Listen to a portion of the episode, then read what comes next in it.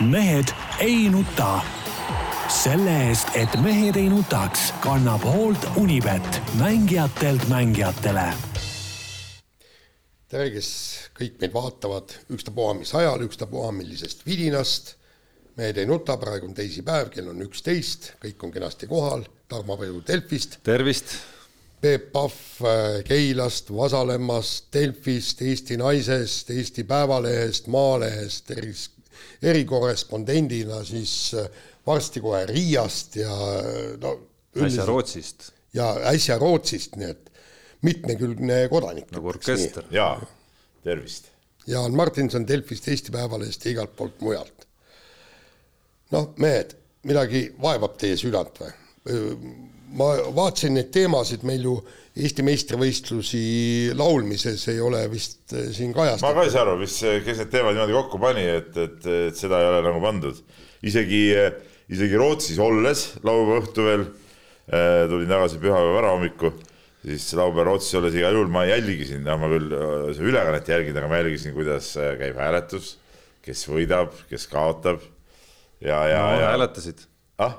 hääletada sai sealt või? ei, ma, ei ma sealt ei üritanudki hääletada, aga, aga mul oli kahju, et see, ütleme, kui juba nüüd see kolmik alles jäi, siis ma olin seal muidugi see Peet Petersi poolt, see oli nagu lahe. ja aga, aga seda võidu, võidulaulu, noh, see oli niisugune noh, priske ta, talutüdruk laulis kenasti seda, et, et no ei olnud ju. selle kohta peaks midagi, aga mulle see laul nagu väga nagu meelde ei jäänud, et ta ei nagu, jäänud. ta nagu, ta ei olnud selline, mis, mis nagu väga tõmbaks, noh, jah et.... ja, ja teine, teine asi oli muidugi ka see, eks, et, et tuua sinna kohale klaver, mis ise mängib, no noh. no mis selle häda oli siis? ei no kuule, mängi ise, noh, mängi ise. ta mängis ise ka vist vahepeal, ma seda kus sa videot tead, kus sa tead, et tema mängis ise no,? äkki ta ei laulnud ka ise? kust sa tead, et ta laulis? ei, ega teagi. noh ja ütleme niimoodi, et ikkagi vaata vanasti oli, vanasti oli Eurovisioon selles suhtes ikka äge, et aga kus ma üldse tean, et sina oma, kus ma tean, et sina oma lood üldse oled kirjutanud? Jaan ei ole kirjutanud ah.. Jaan, Jaan äh, ei olegi ise kirjutanud. ega ei teagi ju. ei, ega ei, ega ei peagi teadma. noh ega peagi teadma. kelle poolt sina, Tarmo, olid? Alika Miilova, absoluutselt ülivõimsalt, kõige võimekam laulja, kes Eestis minu arust nagu pikal ajal üldse olemas. aga lugu oli selline, mis nagu ei võida uima. lugu oli selline, kus ma ütlen, et kui ma seda esimest korda kuulsin, sellest on nüüd mõned kuud tagasi, siis ta kuidagi natukene pani võib-olla õlgu kehitama, aga, aga aja jooksul minu arust läks, läks, ma tunnen kuidagi nagu aina, aina võimsamaks. no vaata, aga point on selles, et Eurovisioonil ei ole aega seal kuu aega seedida, vaid see peab nagu kohe lugu nagu meeldima või meelde. ei tea, no ütleme jah, tal nagu esimesel kuulamisel oli see tunne, et noh, et kuidagi võiks olla selline noh, klassikaliselt justkui jah, et nagu meeldejäävam refrään või kuidagi nagu, mis jääb nagu rohkem kõlama, onju. aga mida aeg edasi, seda rohkem mulle pigem hakkas meeldima just, et, et sellist nagu, sellist nagu. et, et, et on lugu, mis nagu üldse meelde ei jää ei, ma ei, sa väänad mu sõnu jälle, noh, et ja, see ei ole lugu, mis üldse meelde ei jää. meelde ei jää lihtsalt, noh. et mulle hakkas see pigem just nagu meeldima, et see ei ole sellise nagu klassikalise šablooni järgi. ja tähendab, Tarmo, sa arvad, et see on siis nagu uus, uus ABBA fenomen, et, et nüüd äh, valutab maailma ja lööb laine. Abast ei olnud seal midagi. ei, ei, ma ütlen, ei, ma ütlen. valgusaasta kaugusel ikka Abast. ei, no tähendab sinu, sinu jutu järgi ma sain aru, et, et, et see on samasugune võimas fenomen nüüd nagu omal ajal oli ABBA. no sõltub, mida sa selle all nagu mõtled, aga, aga Aalika Miilovat olen ma fännanud esimestest kaadritest alates, kui ta seal Eesti otsib superstaari saates äh, lavale tuli, et no ma. mis sa vaatad niisuguse asja? ma ju, ju jul-, ma julgen väita ja noh, ma ei ole, ma ei ole mingi spetsialist siin, aga minust palju suuremad spetsialistid on sedasama leidnud, et, et tõesti, see on päris erakordne Tarmo, millega sa tegeled? noh.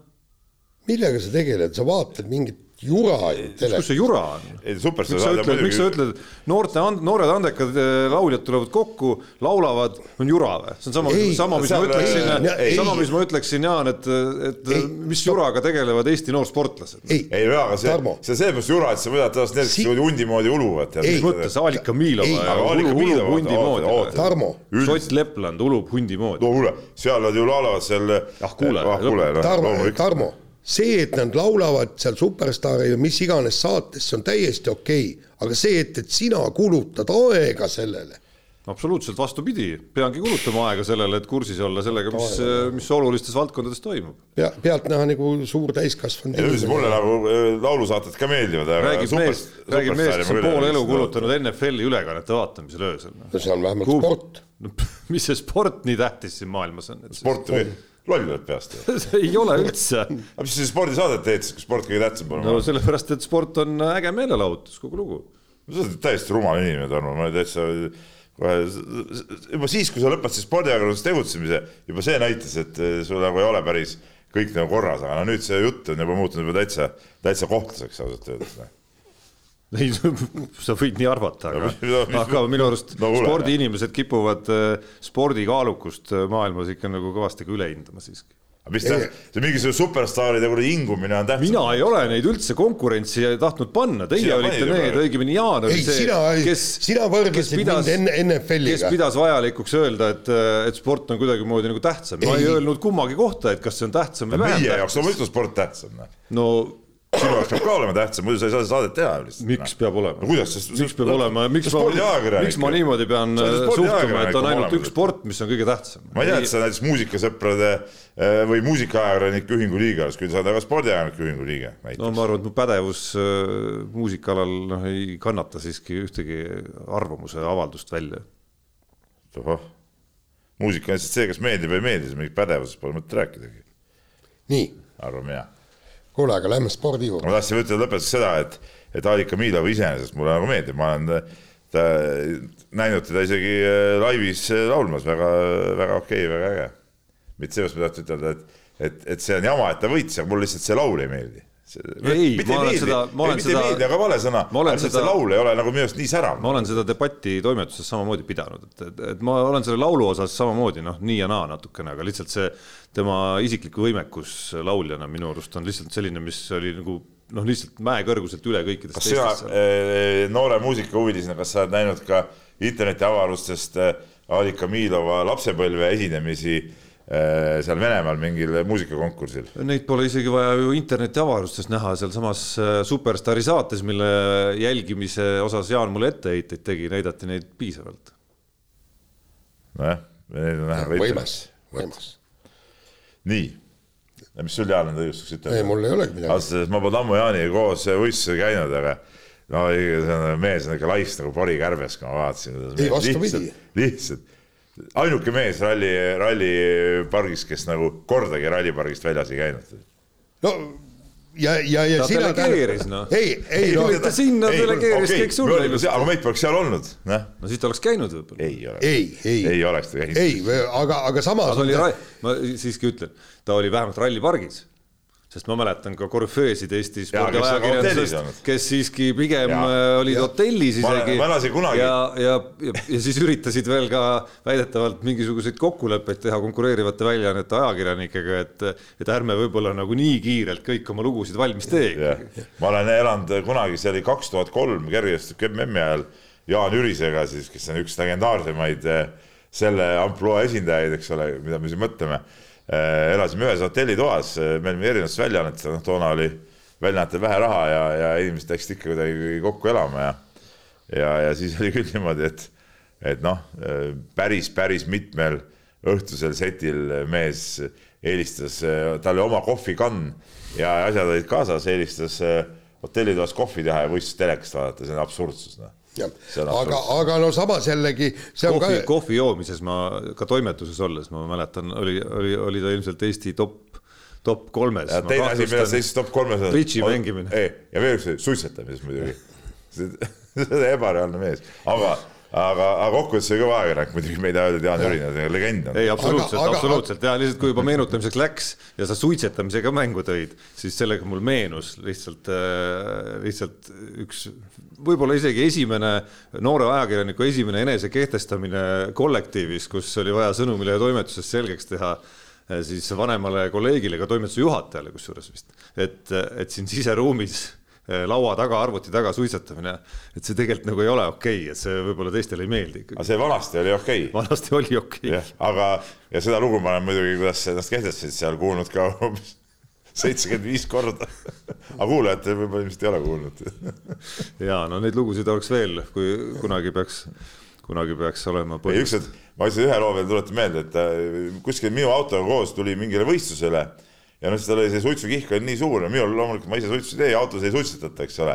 aga siis ta ikkagi leias, et laseb natuke akna alla ja puhub siis sealt suitsu midagi sisse ei tule, siis ta korraks isegi proovis seda, aga see kõik see suits ikka kuidagi toimus, kohe oot-oot, ma jään parem tee äärde seisma, et teeme suitsu ära ja, ja siis lähme edasi. kas seda ei saa lahendada kahe voolikuga näiteks? ma mõtlen ise, et sa võtad ühe vooliku, mille sisse sa pressid selle sigareti onju, nii et see tossav ots sealt otsast läheb, voolik läheb aknast välja sealt praost onju ja teine voolik on see, kus sa siis puhud oma Puhud sisse selle see., puhud selle oma nii-öelda sisse tõmmatud kõvasti äh, puhuma, nikotiini sealt välja nagu. tagasi ei tuleks, et vaata, palju häid mõtteid. jah, aga jah, kui ralli juurde tagasi minna, siis äh, ma, Peep, igal juhul eelistan ja, ja tegelikult on neid ajakirjanikke palju, et mina eelistan ikkagi vaadata otseülekandest arvutiekraanilt ja läbi elada kogu seda ma arvan, et võitlust. peale sinu ei ole ühtegi venda, kes ei kordagi äh, rallipargis ei, ei tegelikult on? Te,, tegelikult on, näiteks äh, juba Mehhikosse lähevad väga mitmed, nad ei võtagi autot. ei no okei okay,, Mehhiko on nagu, on mingid ekstra rallid, eks ole, kus ei taheta autoga sõita. ma arvan, Keenia on näiteks teine samasugune kus ei. Ei, aga see- seal- seal on üldjuhul veel- nendel rallidel inimesed käivad ikkagi kasvõi korraks, käivad ikkagi oludega tutvumas, mis nagu toimub ja, ja, no ja mis on- seis on noh.. et, et, et kuna ma ise liigun kogu aeg ringi, siis, siis ma neid paljusid meie nii-öelda äh, WRC ajakirjaniku, ajakirjanike legendaarseid kujusid ikkagi kohtasin seal päris palju.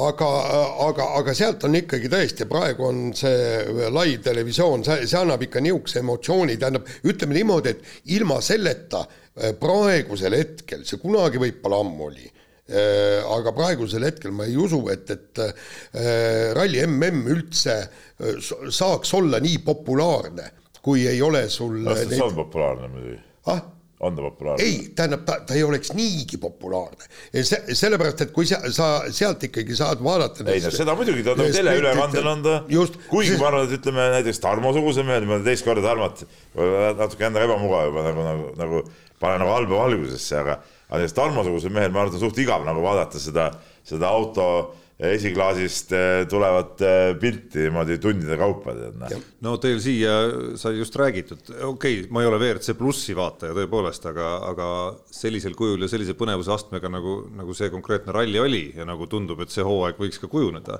siis, siis aegade jälgimist ja, ja otseülekannete, nii-öelda teleülekannete jälgimist, no seda mahtu oli siin nädala lõpus muidugi palju. aegade jälgimine ei võta eriti palju aega, noh, sa seal ju põhimõtteliselt äh, mina aegu jälgin hoopis sealt EVRC-st, mitte WRC selle külje pealt, eks ole. ja, ja, ja sealt ju korraks seda tahti, vaatad hopp-hopp ära need seisud ja, ja, ja muuseas, kui ka raja peal käid, mobiiltelefoni saad sa alati selle ülekandega lahti võtta, mida, mida, mida ma ka eh, tihtilugu teen, sest meil teadupärast on ju ligipääsud kõik olemas. ja, ja no ütleme niimoodi, et, et see oli ikkagi, ikkagi tõesti üks, üks meeldejäävamaid kiiruskatseid oli see laupäeva eel, eelviimane katse, kui, kui Tänak hakkas ründama ja kui sa vaatad nende splittide järgi, see oli täiesti ebareaalne, kuidas need splitid tulid, eks. kui ta oli miinus poolteist, miinus neli rehvi purunemisele järgnenud kurv oli täpselt seal, kus me parajasti Margusega olime. jah, ja kui sa, kui sa vaata, vaatad neid splitte, see oli juba siis tõusnud öö, miinus seitse koma üks oli vist see viimane splitt ja, ja, ja võrreldes seal öö, võrreldes seal Priiniga veelgi rohkem, üheksa pool sekundit juba. Ja, ja siis seal sa näed selles samas otseülekandes, kuidas auto võtab vibra kõigepealt sisse ja, ja siis, siis äh, Tänak ei võta kurvi välja, aga õnneks ta ei sõitnud liiga pikaks, ta sai kohe sinna sisse keerata ja siis, kui näidatakse kõike seda, seda purunenud rehvi ja, ja, ja kõik, et noh, ütleme niimoodi, et, et see on ikka võimas. libises sinna väliskurvi valli tegelikult korraks, jäi isegi seisma. Ja ei, ta jäi korra seisma, aga ta ei pidanud tagurdama. ja ei tagurdunud, ta sai aga tal vedas, see oli, see oli nagu nippa-nappas, tead see, ta külgepidi oli juba tegelikult selles vallis otsapidi, noh oleks ta natuke veel edasi läinud, oleks, oleks see asi pahal, ta oleks kinni jäänud ja, ja Ott Tänak on muidugi vedas ka suuresti sellega, nagu ta on ka ise öelnud, tegelikult see nii-öelda rehv purunes, see on et, äh, small, small puncture, nagu ta ütleb, eks, et väike purunemine, see oli juba kolma, kolmandal kilomeetril. Pärast seda ta ju sõitis veel tükk aega ja see, et, et see rehvi peal, mis, pealmine kiht koorus just sellel pidurdusmaal, pidu, pidurdamisel ja kurvis ära et oleks juhtunud nagu Lapil, kus selle viskab maha täiel kiirusel, sa sõidad ju noh, sada kaheksakümmend kaheksa kilomeetrit tunnis vist minu meelest. Ford pigistas paremal juhul välja ja siis oledki seal lumehanges sees nagu äh, Lappi oli. Aga, aga nüüd, mis, mis Tänaku võidust äh, rääkida, ega no ütleme niimoodi, et, et, et see oli ikka täielik kivist vee välja pigistamine äh, algusest lõpuni, see oli esi, esiteks olid sekundimängud ja kõik, kõik ja siis, siis kõik see taktika kuidas ta just laupäeva õhtul kahe viimase kiiruskatsega pani uued, uued rehvid alla ja, ja üritas rünnata ja siis see tal ebaõnnestus, aga nagu ta ütles, et üks põhjus, miks ta just seal rünnata tahab, on see, nagu ta ütles, et hall tiim on kor-, katsete kordus läbimisel on ke-, kesine. Ja, ja õnneks see hall tiim ehk Hyundai oligi kesine et no see, sellest Rootsi rallist on nii palju ju kõike, kõike seda rääkida, et Priini no, taga. juba ära räägitud, et siin nagu midagi huvitavat rääkida muidugi raske. Priini taga, tagasitulek, Toyota täielik põrumine, sellepärast et Lappi oleks kiiruse poolest tuli ta ju ka no, Priini tagasitulek ei olnud üllatav, olgem ausad, see oli nagu suht loogiline. noh äh,. mina panin näiteks oma ennustusmängus ka Priini ikkagi sinna suht normaalsele kohale. jaa, aga et ta et, nii võimsalt tuleb. ei no see ongi üks tema rallisid ju. no tema, tema rallisid. üks aga... tema rallisid, ülikiired rallid on tema rallid. Noh. kõik on õige, aga aga, aga pärast eelmise aasta kohutavat hooaega no, see, see on see küsimus no,. ja tema, tema, no tema suutis oma peas asjad kõik eh, korda saada, mida ei suutnud näiteks Elfin Evans. tal läks ju eelmine aasta täiesti põhja ja, ja nüüd, nüüd ta oli. Jaan, Jaan, võtad rahulikult ühe ralli põhjal nüüd, kes on peas asjad korda saanud, kes ei ole, ei ole mõtet ka mingeid suuri järeldusi teha muidugi ei no, ei no Elfin Evans sõitis hästi ja Evans sõitnud hästi, see on fakt muidugi. no ja fakt noh, seal, seal on iga, igasuguseid tõesti see Toyota, mis, mis on Toyotaga, noh. aga ma tuletan sulle meelde, Toyotad kõrbesid talverallil ka kaks tuhat kakskümmend üks Lapimaal. ei tulnud neil välja. teine koht no teine koht küll, aga kindla võidu peale läksid välja tookord ju. ei no nad võisid kindla võidu peale minna, nad on võitnud kolm viimast Rootsi rallit ja, ja siis selle. no Rootsi rallil ja selle Lapi ralli väga suurt vahet muidugi ei ole. jaa, aga seal olid vähemalt teised. jah ja, ja praegu oleks pidanud olema noh, nii-öelda viiendad, kiiruse poolest viiendad, kõik, kes, kõik, kes öö, no kõik normaalsed sõidumehed, kes võiks Toyotast ees olla, Toyotast ees ka oli, olid. Kõik kolm Hyundai'd kiiruse poolest, tänan. ja ei roh-, kõige rohkem mind üllatas hoopis nagu see Hyundai kiirus tegelikult et see oli nagu kõige, kõige huvitavam, et nad nii, nii võimsad on, et, et kui kogu aeg oli, noh, eelmine hooaeg me kuulsime ju, ju Ott Tänaku suu läbi kogu aeg, kuidas Hyundai noh, ei ole nagu mugav ja ei ole hea ja nii ja naa. et, et, et nüüd nad on saanud ikka mingi sammu edasi teha ja võib-olla see on ka nii, nagu me seal arutasime, et, et see on nagu Tänaku teene, et Tänak kuskil timmib selle auto ära ja, ja siis teised hakkavad selle kiiresti sõitma, et sellist asja on, on varem ka tulnud, oli M-spordis läks Tänak ära, tuli Ossier sellega maailmameistriks läks Toyotast Tänak ära, tuli Osier sellega maailmameistriks ja nii need, nii need asjad äh, on läinud ja nüüd on Hyundai's samamoodi, et Tänak on suutnud selle auto võib-olla eelmine aasta suutis nagu heaks juba teha ja nüüd teised siis lõikavad äh, selle headuse vilju. Noh. no samas, kui hästi sa tead, kes täpselt mida seal siis paremaks teha suutis no,. Tänak oleks on, tahtnud seal auto ei, juures no, ilmselt teha mingeid on, asju veel, kas rohkem ei, seda küll, aga on ju teada, et, et Tänak on, on väga hea autode, ütleme äh, paremaks muutja ja seadistaja, noh, see on no., see on nagu fakt. Noh. meenutame, kui ta Toyotasse tuli. ei, see kõik on teada jah, lihtsalt seal tiimis ta ei olnud, ta ei omanud sellist ju nagu, kuidas öelda, nagu praegu Fordis nagu ainuvoli, ütleme seal seda autot äh, tuunida, et seal oli tal Neville ja siis käis, käis, ma olen aru saanud, käis pigem kemplus selle ja, ümber, et ja. kelle soovide järgi ja. neid asju lõpuks siis tehakse. muide, ja aga see, aga see, et paremaks asi läks, oli ju eelmise aasta lõpus juba näha. ja aga, aga muidu, muide, vot see, see on. aga ta nii, ta nii heaks hoidnud, ta nüüd Neuvill, Priin ja Lappi, kõik olid ju tipus, noh. kusjuures Neuvill neist oli kõige kehvem veel, noh.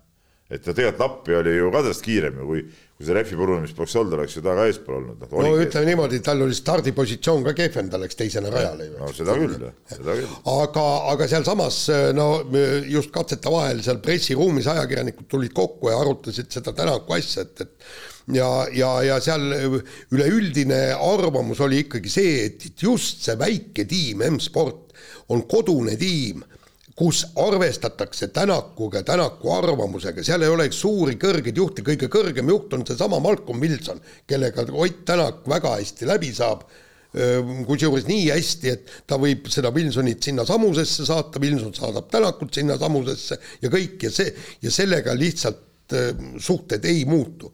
Aga siin on sul kõigepealt tiimiboss, siis on veelgi kõrgem tiimiboss, siis kuskil edasi on tehase bossid, kes spordis on ka tiimiboss ja siis on äh, peaboss. jaa, aga nad on mõlemad on äh, aga mõlemad asja juures nagu jah. jah, nagu täpselt. ja, ja, ja, ja just see, eks, et, et kodune tiim kõik ja seal arvestatakse just Tänaku soovidega, niivõrd-kuivõrd sellega arvestada saab.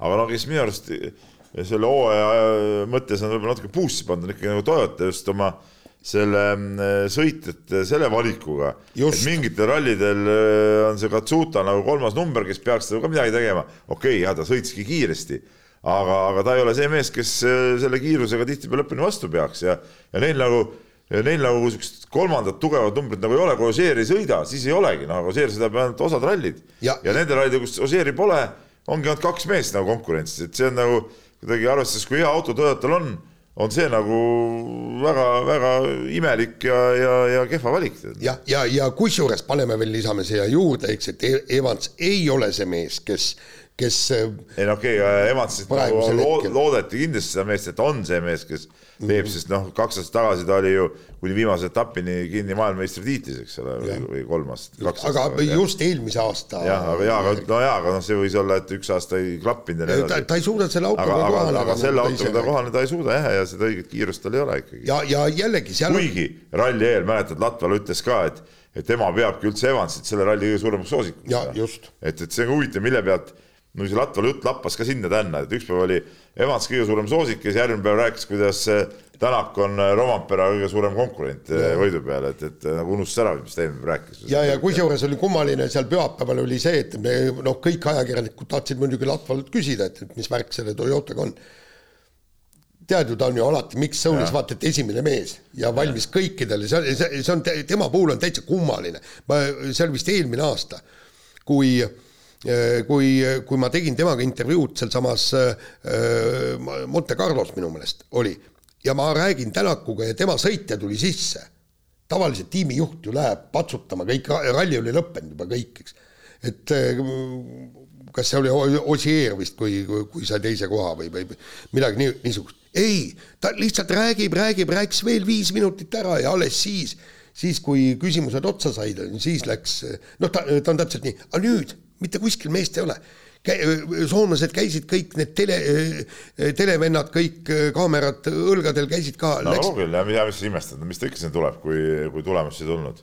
küll aga sa ütleme, ralli ajal ta jõudis muidugi oma, omas elemendis olla, et seal, see oli vist äkki laupäeval, ma ei mäleta, kas see oli päevasel või õhtusel hoolduspargi ajal, ta jõudis äh, Ljubele, kes on siis nagu teadupärast M-spordi mees, selgitada, kuidas siis äh, jäi see tee Euroopas nagu autoga sõita ja mida seal nagu teha, tead pikalt ja laialt seletasid ju veel seal, andis õpetust sinna, noh. et see on ka päris omapärane muidugi. hea inimene. ei no hea inimene kahtlemata, noh.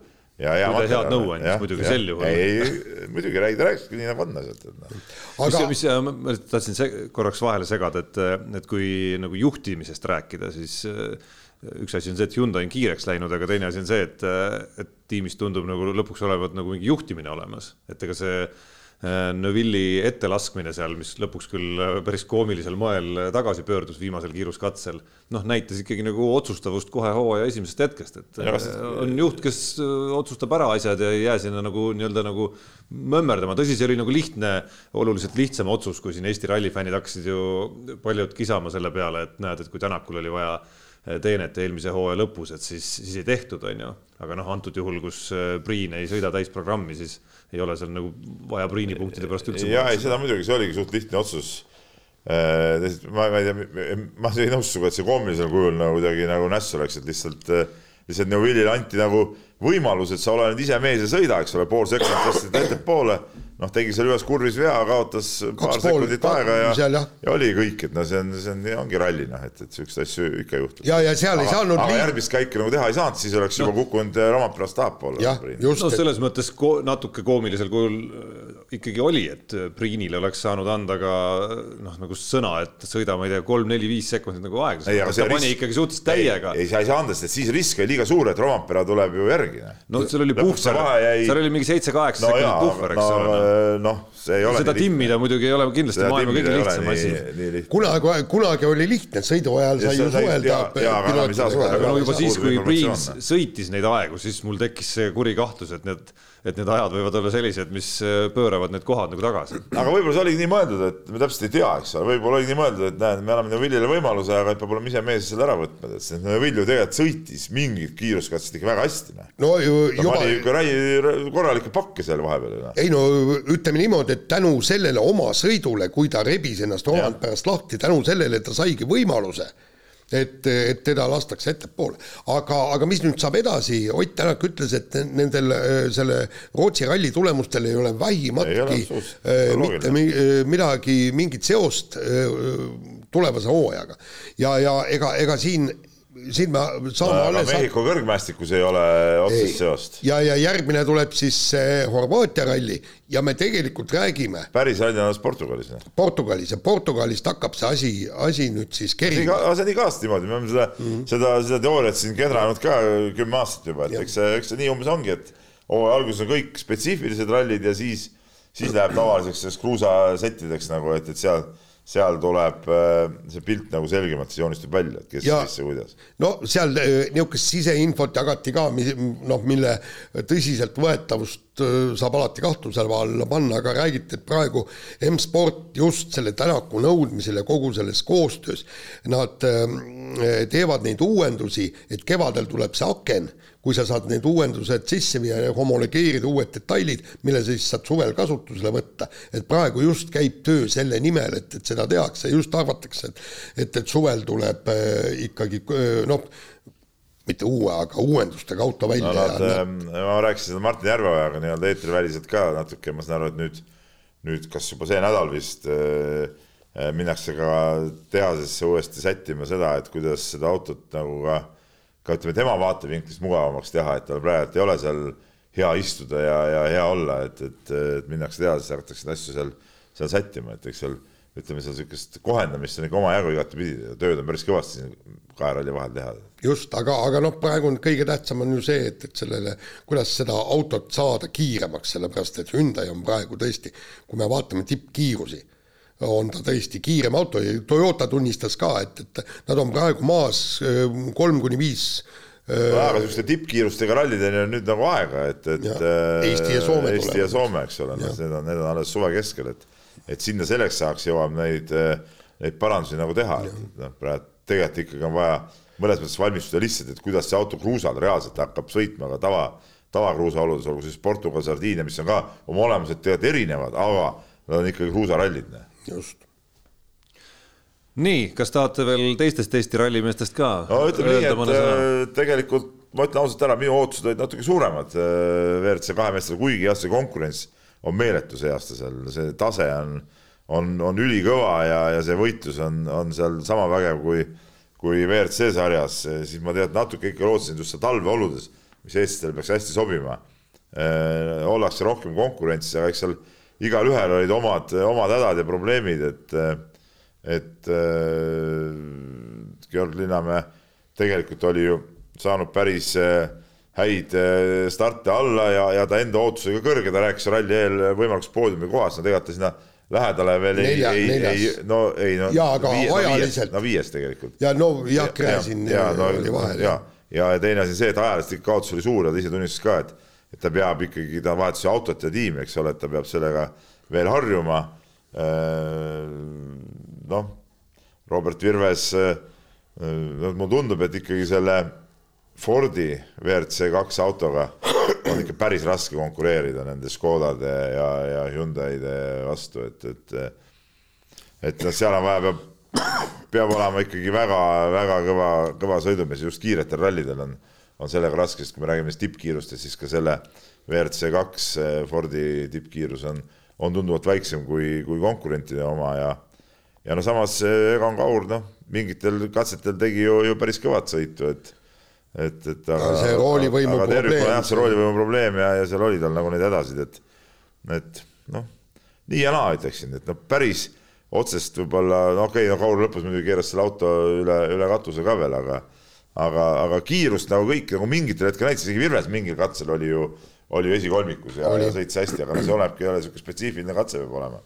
et, et no loodame, et järgmine kord läheb paremini. küll aga läks äh, paremini ja hästi BC Kalev Cramo korvpallimeeskonna käsi eelmisel nädalal otsustav eurosarja mäng siis äh, teises alagrupi faasis toimus täismüüdud Kalevi spordihallis. Hollandi klubiga Den Bosch, jube raskelt see kõik seal äh, tuli, aga, aga lõpuks viimase ütleme viie-kuue-seitsme minutiga suutis, suutis Kalev Cramo selle võidu seal ikkagi kätte saada ja ja ütleme noh, sellist mustvalgel fakte vaadates siis äh, kolmandat korda on Eesti klubi läbi aegade eurosarja alagrupi faasist pääsenud play-off'i. jah, kaks korda varem siis Tartu Rock. just.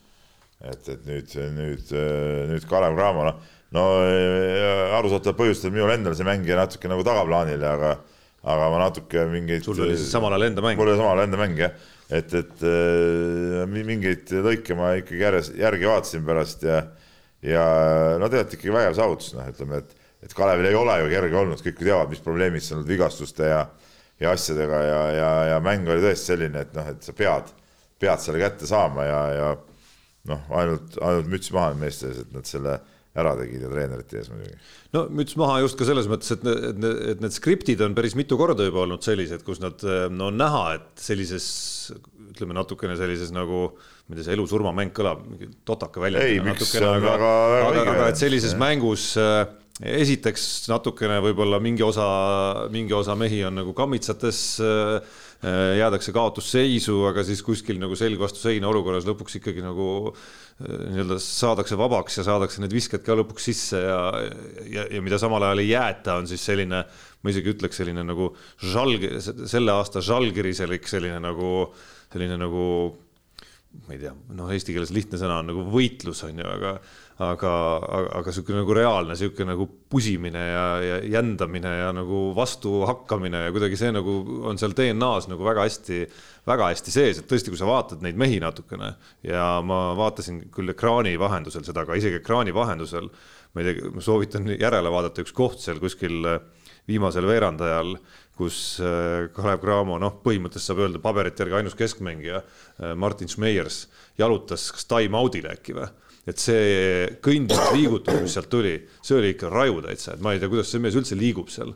et tal on suured probleemid, jah. tal on oma puusadega ja, ilmselgelt jah. suured probleemid ja noh, see ei olnud nagu noh, nagu sport, ma ei hakka sportlasest rääkima, see oli nagu tavainimese kohta selline kõnnak, et nagu saadaks kohe haiglasse inimese et nagu noh, sellisel tasemel probleemidega seal kuidagimoodi on suudetud äh, ikkagi nagu hakkama saada, et eks ta nagu üle noatera ja piiri peal kogu aeg see mäng nagu käib, olgu siis selle meeskonna jaoks läbi nende nii-öelda, läbi nende probleemide või siis ka klubi jaoks, et, teed ühe ringi siin jälle juurde ja, ja mõnikümmend tuhat eurot võlu kuskilt jälle sealt äh, siis asjapulkade poolt välja, on ju, rääkimata sellest keerukusest, mis nüüd selle mängu aja leidmisega üldse on olukorras, kus Kalevi hall ja, ja vana nimega Saku Suurhall, uue nimega Unibet Arena on, on kinni mõlemad sellel nädalal põhimõtteliselt. nojah, et seal ühe, ühes kohas vist laskmise EM ja ja teises kohas on käsipalli koondise mängud jah, jah, mis on ka mõistetav, et selle ajal korvpalli mängida ei saa, et, et on on tiba tähtsamad üritused võib-olla, aga,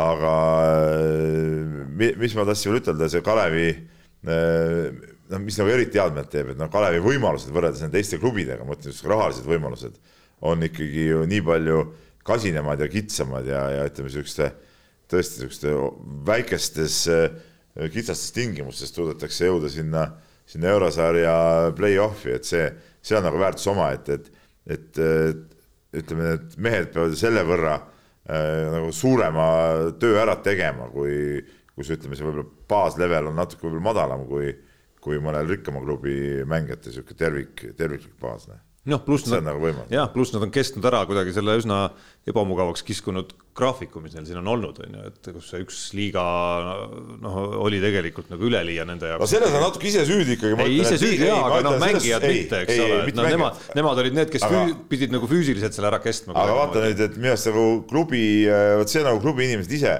nagu olid natuke liiga jänesed, et nad ei uskunud võib-olla endast, nad saavad, saavad sealt alagruppi ja saavad sealt edasi ja nii edasi, et et noh, kui sa lähed mängima, sa pead nagu uskuma, sa pead tegema need valikud ja no sul ei ole mõtet nagu kuhjata neid asju kokku ja siis, siis nagu nuriseda pärast, et see, seda meelt ma olen küll, aga kõiges muus absoluutselt viis pluss. Noh.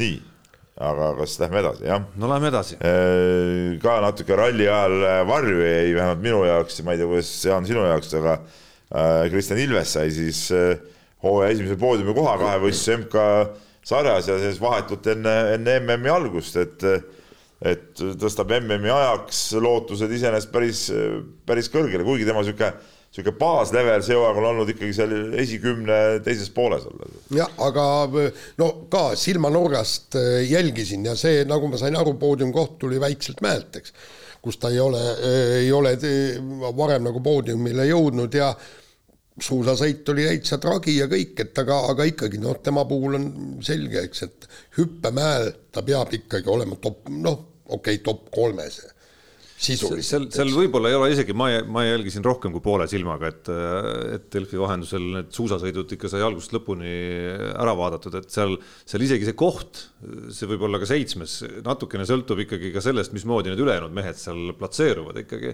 ja selles esimeses sõidus, kus ta siis poodiumile sai, noh, oli nagu juba hüppetulemuste järgi oli nagu näha, et siin on nüüd kandikul see võimalus olemas, kus sa äh, saad sõita koos kahe väga tugeva suusatajaga Lamparteri ja Öftebroga ja kui sa kestad selle tempo ära, siis ilmselt järgmised väga head suusatajad sealt järele ei jõua ja täpselt niimoodi see läkski.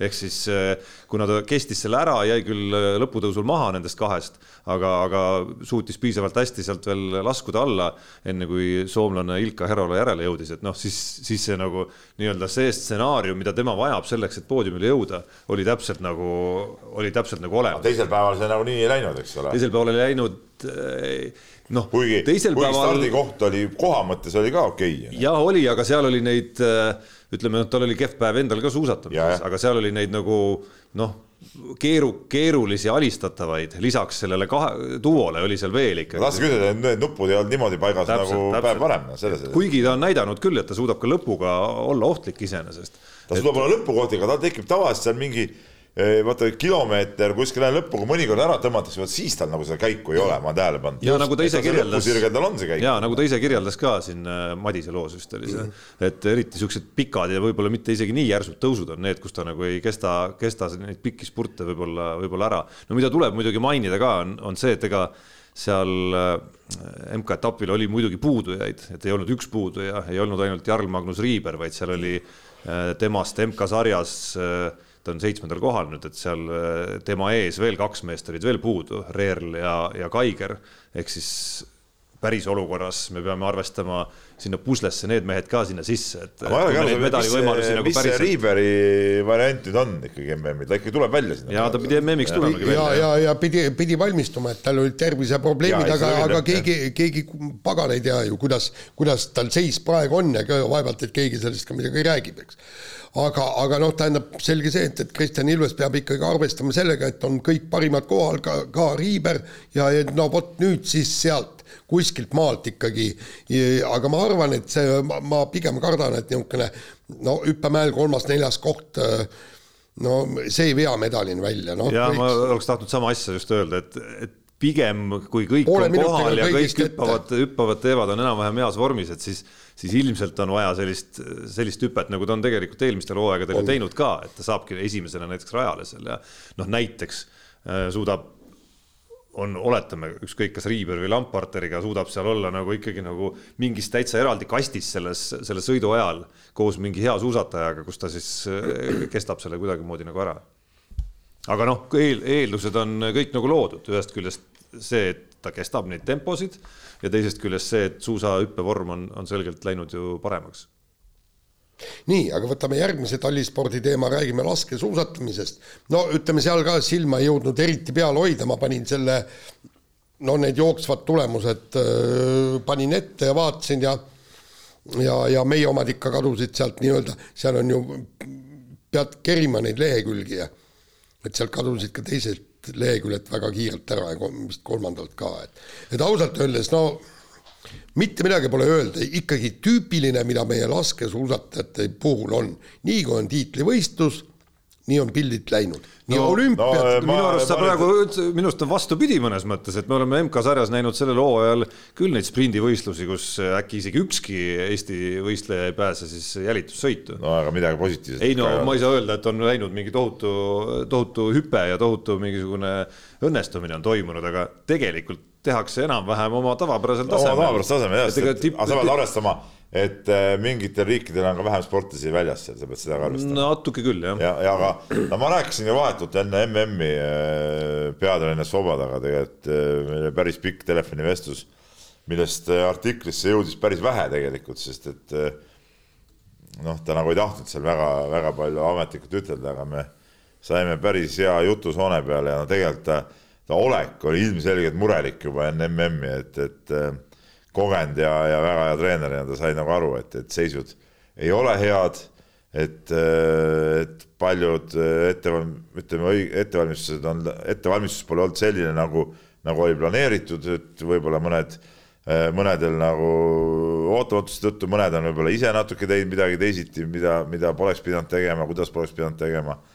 Ja ta kohe ütles ära, et, et tõi välja kaks nime, kes tegelikult on, on äh, väga tublid olnud ja heas seisus ja need mõlemad tütarlapsed said ka jälitussõitu ja, ja kui ma õigesti mäletan, siis mõlemad ka tõusid näiteks jälitussõiduga. et, et, et, et Tomingas ja, ja, ja Kül, Susan Külm olid siis need, kes, keda ta ka enne, enne MM-i ütles ära, et need on, need on väga, väga, väga tublid ja kohusetundlikud seal Indrek Dobralutsuga koos teinud, et, et nende seis on, on okei okay. ja tal oli väga kahju äh, Saaknast, kes siis ütleme vahetult enne MM-i suutis kuskilt hotellist mingisuguse kõhuviiruse hankida ja see noh, kui me kõik teame, kõhuviirus on niisugune asi, mis tõmbab organismi tühjaks ja, ja, ja nii ongi. aga, Kuigi aga noh, ta, ma ütlen, ta oli, ta oli väga sihuke mureliku seisuga ja ta ütles seda, et, et, et seis võiks minna paremaks äh, MM-i teiseks nädalaks, ehk siis nüüd selleks nädalaks, mis praegu käib ja noh, siis loomulikult see peamine siht ongi see naiste äh, teatesõit, mis siis peaks andma õnnestumise korral äh, naised aitama ka EOK äh, palgale. aga see peab olema ikka väga, väga aga nad, on korra see aasta seda suutnud. Nad on korra suutnud Kaheksa seda jah, aga noh, mis sinna sobib see jätkumõte nagu otsa, et noh, ka Tuuli Toomingu puhul siiski noh, sa reaalselt näed tema enda olekust kommentaaridest ja, ja sõiduaegadest ka, et, et see ei ole, noh, see oli tema lause pärast sprinti äkki või, et noh, see ei ole see, mille pärast terve suvi otsa on trenni tehtud, et, et selgelt seal juba protokolli vaadates, ma vist otse seda sprindivõistlust ei näinud, aga juba protokolli vaadates, et sa vaatad trahvide arvu ja vaatad äh, seda kaotust võitjale ja saad aru, et et sõiduvorm ei ole selline, mis annab eelduse, et tal noh, kasvõi top kahekümnesse, rääkimata top kümnesse sõitmise, top kümnesse jõudmise eeldusi. nojah, no para-, paraku nii on ja, ja noh, vaata seda kuidagi, vot teistelt aladelt saad võib-olla mõne sähvatuse MM-il, neil on ju distantse palju. et ühel võiks ju õnnestuda, aga, aga see on ikkagi ei no vaata, sa saad nagu- aru, et kui sprint ebaõnnestub, jälitusse sa ei jõua see distantsi palju ei ole, siis sul teed selle pika distantsi ja massstarti sa ka ju ei saa, eks ole, et ehk siis sul nagu, sul on neli individuaaldistantsi, milledest kahes sa ei saa nagunii osaleda, Jah. sest eestlast nagu ei ole nagu palju. noh. jah, aga noh, ma ütlen mingi mõttekoha, see, mida ma ise teleka ees olen jäänud mõtlema, noh, ma kujutan ette, võiks ja, ja on kindlasti andnud sellele samale Dobrelutsu ja Toominga tiimile, et, et, et noh, kas, kas ei ole leitud ikkagi siis aastatega seda mustrit, et kuidas, kuidas saada suurvõistlusteks nii-öelda nagu noh, teistega võrreldes mingi takt nagu ülespoole selles pingereas äh, versus see, et sa noh, säilitad võib-olla nagu oma koha selles, kus sa oled kogu aeg või, või isegi natukene nagu vajud alla. kuigi antud juhul ta ei ole nagu ei alla vajunud. tegelikult eh, tegi vist, kas ei olnud ta parem tulemus eh, jälitussõidu oma või, sel hooajal? ma praegu võin eksida, ma ütlen ka seal, ütleme selle muu asjade taustal ma ei väga nii tähelepanelikult jõudnud jälgida. ei, külma puhul jah, on, on, on, on seda nagu okast nagu vähem, aga noh, Toomingu puhul sa reaalselt noh, tajud juba tema enda olekust, et, et, et pagan, et ootus on see, et ma sprindis oleksin ikkagi suusarajal umbes kolmkümmend sekundit kiirem puhtas sõidus. nii, aga selle saatuse lõpetuseks äh, sutsu vehklemist ka, Eesti EP naiskond jõudis üle pika aja MK-etapil esinelikusse ja küsimus on lihtne, kas hakkab mingi lootuskiir paistma kuskil või mitte oota, ma enne kui Jaan hakkab rääkima, ma juba ennetan juba Jaani, et, kui Jaan ütleme siin paar äh, korda nüüd, kui need MK-etapid ebaõnnestunud on nagu öelda, et mitte kõik on läbi, mitte mingit varianti ei ole, nüüd ta kõik peab- on hästus, nüüd on neljas, nüüd ta räägib, kuidas, et ja nüüd hakkab tulema ja nüüd, nüüd kõik on nagu hästi jälle. ei va, vaadake, kelle vastu nad vehklesid. esiteks USA, kes ei, kes ei ole kindlasti no osale me oleme kaotanud ka. Me jaa, me oleme, aga me peaksime igal juhul USA-st üle, üle olema. järgmine, tänu kellele me üldse poolfinaali saime, Hispaania. Pole üldse noh, väga, väga suur vehklemismaa, eks. ja, ja siis nüüd Korealt võeti see vastu see kaotus, noh. et, et, et kuigi Koread me oleme kogu aeg võitnud, aga siin noh, tähendab, ta, ta ei läinud viimasele torkele, aga ta oli tihe matš, kaotati nelikümmend neli, nelikümmend viis, aga kogu selle asja juures jube tore, et me jõudsime poolfinaali, tähendab, ütleme, kui me tahame üldse olümpiale jõuda, siis me peame, peame paar korda poodiumil käima, kui me, kui me vaatame neid punkte, peame MM-il igal juhul kaheksa hulka tulema ja, ja, ja siin on kõik nii, et, et väike algus. nüüd oli see tabel teda... nagu teistmoodi, vaata me paar korda läksime ju Hiinaga kohe kokku ei, seal, seal finaalis, aga ei, nüüd oli nagu teine tabel. ei, seal tehakse tabel niimoodi, no näiteks, et, et panna, pannakse tabel paika, see ei ole mitte, mitte see, et number üks kohtub number kuueteistkümnendaga, eks no nagu Real on, aga esimene, teine ja kuueteistkümnes, viieteistkümnes loositakse yeah.. vot nii, et, et ühesõnaga, kui sa oled kuueteistkümnes, sa võid kohtuda esimese või teisega. Ja nüüd läks õnneks, loositi nii, et Eesti kohtus USA-ga, aga. Mis on halb asi, Eesti ju ei tõusnud maailma edetabelis, jäi ikka üheks, üheteistkümnendale kohale. ja kes on kuues, Hiina muidugi. Yeah.. nii et, nii et ühesõnaga äh,, aga hea, et, et Kirpu öö, oli väljas, tegi väga, väga hea turniiri Tihvert oli suht okei okay.. jah, neli Tihvert oli okei okay ja, ja, ja ka vanameister Emmerich. aga siis Vaalis Emmerich ei saanud edasi, isegi ei saanud põhiturniirile. see saanud. näitabki, kui see, vaata, me sinuga arutasime seda ka, mis sa ütlesid, kolmsada vehklat midagi oli või? kolmsada kaks nagu- vehklat. see MK-etapp on ka muidugi absurdseks muutunud muidugi, noh, see on täiesti ajuvaba, no et miks, miks seal ei võiks olla siis nagu igal normaalsel spordialal, ma pakkusin Jaanile seda ka välja, et MK-sari ja ma ei tea, mingi, mingi kontinentaalsari või mingi challenge cup, kus ütleme siis ma ei tea, seal sada kakskümmend äh, midagi ka saavad MK-le, ülejäänud on seal teised. no see on totrus ju tegelikult, noh, see on täielik loterii lõppkokkuvõttes, noh. nii on. nii, aga. kuulasid üldse, millest me rääkisime? absoluutselt. sa klõbistasid siin arvuti, ma mõtlesin, et sa tegelesid mingit muud asja. saatega seotud. saatsid, äh, saatsid äh, kellelegi mingeid lembekirju näiteks, noh no ma ei tea, kus oma, oma kodus olevale prouale näiteks. kus üldse, kus, ma saan aru, et sina peamiselt oled nende peal väljas ei, ma olen väljas, ma küsisin. ei, kust sa selle peale tuled üldse? nii, aga ei, ma olen nõus sinuga täiesti. nii, laseme kõlli. kiire vahemäng ja lähme olümpia juurde ja äh, nagu siin artiklist sai lugeda, ajal vist, kui me Rootsis olime, et on meil Eestis nüüd sportlasi, kes on valmis ka olümpiamänge boikoteerima, juhul kui äh, Venemaa ja Valgevene sportlased äh, sinna lubatakse ja, ja üks, kes ütles, et äh, on Kaspar Taimsoo ja siis äh, noh, Gerd Kanter ütles, äh, ütles ka, et, et noh, et tuleb ROK-i presidendi Toomas Pachiga muidugi võidelda. teema on väga tõsine, mind pani natuke lihtsalt muigama üks, üks väike, väike detail, et, et need mõlemad nimed on muidugi noh, ülitublid mehed ja tublid spordimehed, aga võib võrdne aimugi, kas Äh, Kaspar Taimsoo üldse olümpiale kvalifitseerub, sest ta nelja paati ju praegu ei kuulu, eks ole. ja, ja, ja Gerd Kanter, noh, ei ole ka enam sportlane, kas ta siis treenerina ei vii oma sportlast välja? vot, ja seda ma tahtsingi küsida, et, et ühesõnaga, kui venelased no, on olümp... saage hakkama nüüd, mehed.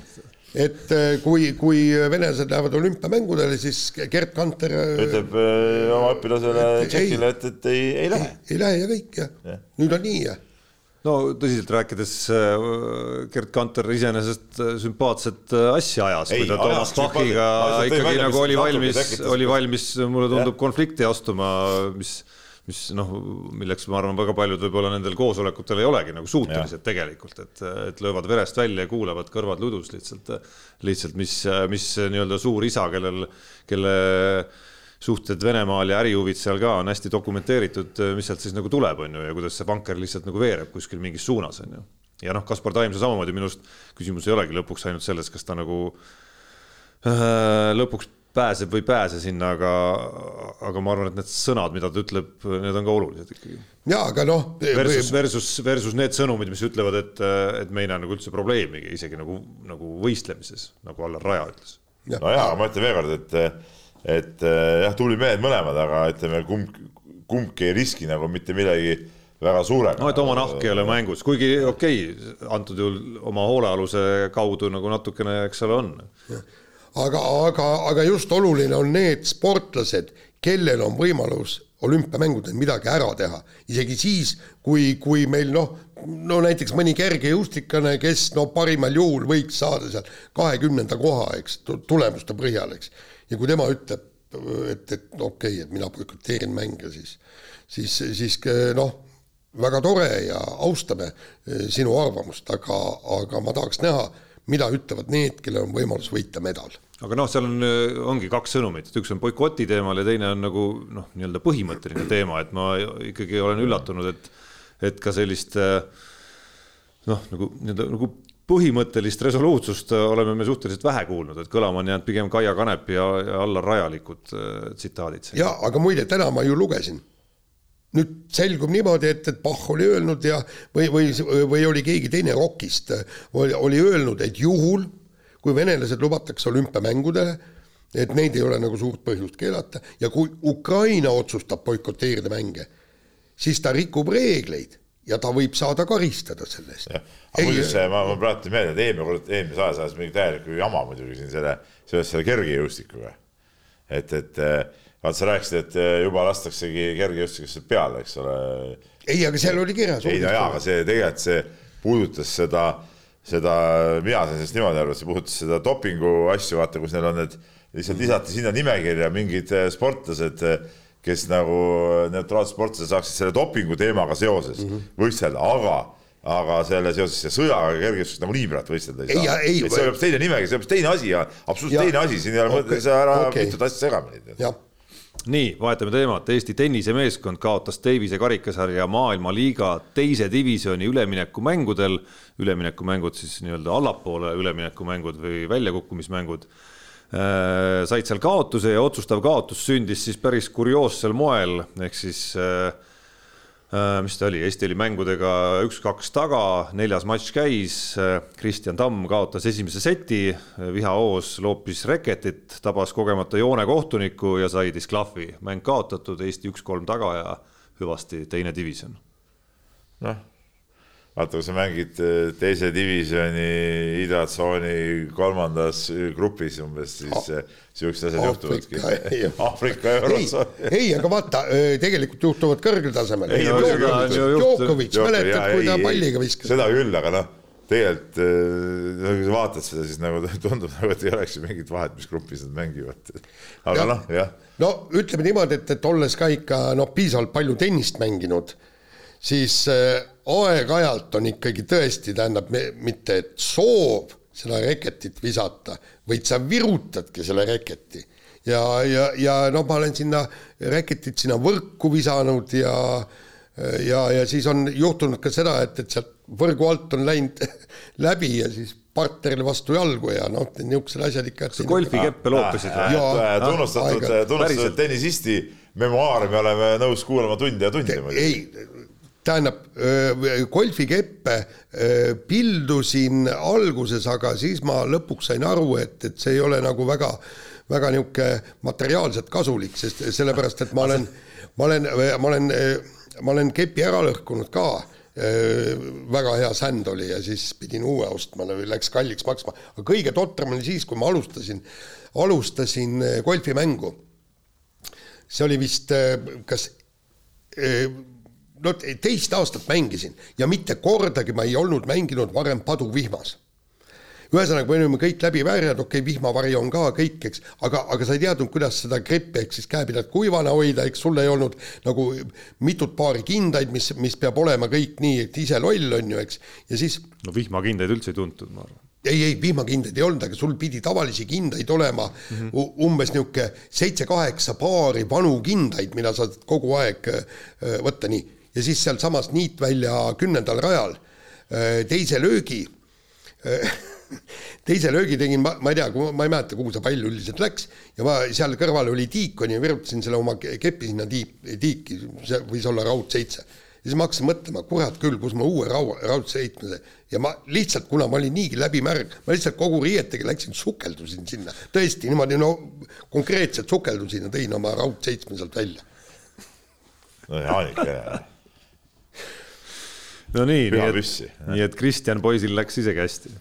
ei pidanud sukelduma ega midagi. ei noh, aga no vihapursked on nagu mõistetavad, pole midagi ütelda. no kahjuks on jah ma tean ka siin ma... meest, kes toimetuses tagus no, okay, no see... kes tagus seda pappkasti, ikka me pole ammu sellest rääkinud muidugi no,. See... nooremad kuulajad seda, seda võib-olla ei teagi, et kui me Õhtulehes töötasime, siis oli toimetusnurgas oli üks sihuke spetsiaalne kast, kui Tarmo Paju millegi peale närvi läks, siis ta sai seda jalaga, jalaga taguda ja, ja pesta. ja see oli ajalehti täis, eks, et, et seal jah. aga ei midagi jalaga midagi juhtunud, see oli turvaline. vaata, see on nagu, vaata, see on nagu need, need hullud pannakse mõnikord on see potserdatud tubadesse, et nad endale liiga ei teeks, aga... Tarmo jaoks oli ajalehtedega täidetud kast, et. no vot, Kristjan Tammel, Kristjan, Kristjan, Kristjan Tammel oleks samasugust olnud vaja sinna kuskile. aga kas sa mäletad, mikspärast tal see kast oli või? Seda ma ei mäleta. minu arust see oli kolimiskast, kui ma Sõnumilehest tulin Õhtulehte, siis. aga mida ta mingid, varjas? mingid asjad jäid sinna, jäid sinna lihtsalt sinna kasti. aga mida ta varjas, see kast? sa ju lõid seina ka ükskord katki, küpoki. mina ei löönud seina katki, ära nüüd äh, minule nahka seda küll aja. see oli teie, see oli mingi teie omavaheline mingisugune asi, mis ei, seal seina ära lõhkus. sina, sina ah,. minu meelest olid ka sina. ei, ei, ei, ei, seina lõhkumist te mulle küll ei kuidagi ei inkrimineeri.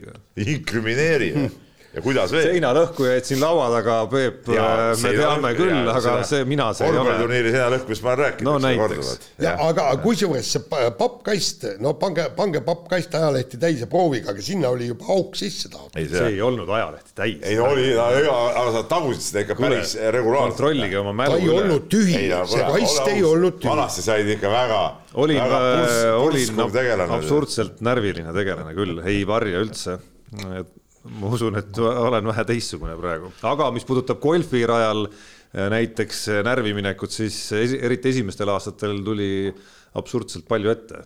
viimastel aastatel tekkis arusaamine mitte niivõrd golfikeppide hinnast, aga kuidagi nagu mul nagu ära ei ole õnnestunud lõhkuda ühtegi neid, aga pigem nagu arusaamine sellest, et sellest ei ole tegelikult kasu nagu mitte mingisugust, vastupidi, et mängule teeb pigem halba. mina olen suutnud näiteks mitu treeneri tahvlit ära lõhkuda mängu ajal ikka juhtub. aga kuidas see on, klubi maksab, ostab uue või? ei, ma oma tahvlid olen ikkagi ise ostnud ja mul on ka no siis sa võid lõhkuda. naised kinkisid mulle kohe kaks tahvlit korraga näiteks mm. -hmm. jõuludeks vist oli see, ma ei mäleta täpselt. nii, aga lähme edasi ja, ja tuuli. libedale teele muidugi lähme, ma mõtlesin tükk aega, kas tasub ikka siin nagu mängu tuua teemat või mitte. nii, Tuuli Tomingas sai siis Itaalia spaasse minnes sõimata, et ta ennast eh, paljaks ei koorinud mis on siis tegelikult ju äh, eriti Kesk-Euroopa mäikurdites äh, täiesti normaalne ja, ja kombekas tegevus. päris huvitav, ma olen, jäin mõtlema selle uudise peale, ma olen ise ka käinud äh, korra sellises sar-, no sarnases kuurortis Austrias suusatamas mm -hmm. ja, ja käinud pärast suusapäeva saunas on ju ja siis kohanud Nii. seda nagu etiketti seal, mis seal siis nagu on ette nähtud, on ju. ja, ja ei no mis jaa, sa ei ole või? Jätkake, jätkake. käisin ära seal saunas, sain hakkama kuidagi, aga selge, et ta nagu ei ole nagu meie. häbinägu oli ees, kui sisse läksid. ei, miks häbinägu, aga no selles mõttes ta nagu meie komberuumis nagu ei ole need asjad nii päris, on ju. et äh, ma üritasin siin isegi eile natukene guugeldada, et, et kust see nagu seal ruumis nagu siis pärit on täpsemalt, on ju, et sellel on mingisugused traditsioonid ja mingi ajalugu sellel et, äh, et just, just nendes piirkondades kuidagi, just nendes saunades on see nagu niimoodi. oota mina arvan, et Tarmo Rask on sellepärast, et, et noore mehena, eks ole, veri vemmeldas seepärast läksid sinna mägikurradisse, et saaks saunas käia, saime õigesti aru või? no esiteks ma ei olnud üksi isegi seal on ju, et seal oli seltskond suurem. leidsid mõttekaaslasi? jah, nimetame siis niimoodi seda. muide, Tarmo, sa räägid, et meie kultuuri. sina oleks jätnud minemata, ma saan aru jaa mm. -hmm. raudselt, ma arvan, et sa oled käinud, sa lihtsalt ei julge tunnistada ei, praegu. ma tunnistan ausalt, ma ei ole Austria mägikuurtides käinud, ma olen käinud, kui räägime suusatamisest, ma olen käinud ainult äh, Rootsis ja Norras mägedes. seal sellist äh, kommet ei ole ja kui me oleme käinud, siis meil on olnud sõpradega omad äh, need majakesed, kus on olnud ka väiksed saunad sees.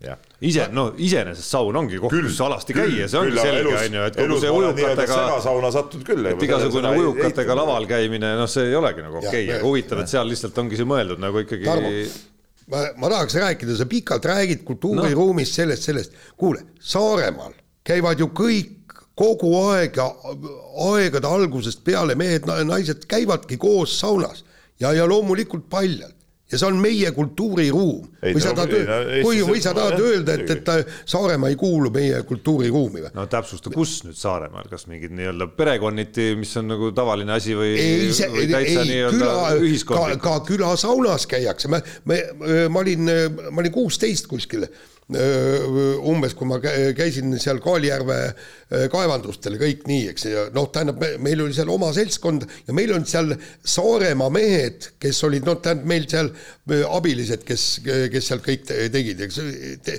tegime sauna, eks ja ja siis naised lähevad meil sauna, nemad on ka kohe, kõik võtavad, et ku-, ei, aga kas me ei lähe siis sauna või? siis me räägime, ei, kõigepealt käivad naised ära, siis lähevad mehed, eks. ja nemad ei suutnud lõpuni aru saada, et mi, mi, millest see nii on. et nii ei käi ju need asjad. nojah, aga noh, nagu sa räägid, see ongi nagu pigem nagu haruldus ikkagi on ju. Ei ole, no kui Saaremaal on üldiselt seal- on siiski Eesti spaades, sa ei kohta sellist etiketti on ju. et selles mõttes ta nagu ikkagi on nagu haru- haruldus on ju. aga ta kuulub Eesti kultuuriruumi. aga mis sa siis, sul siis oma seal elamises ei olnud saunat, sa seal mingis suures saunas käisid?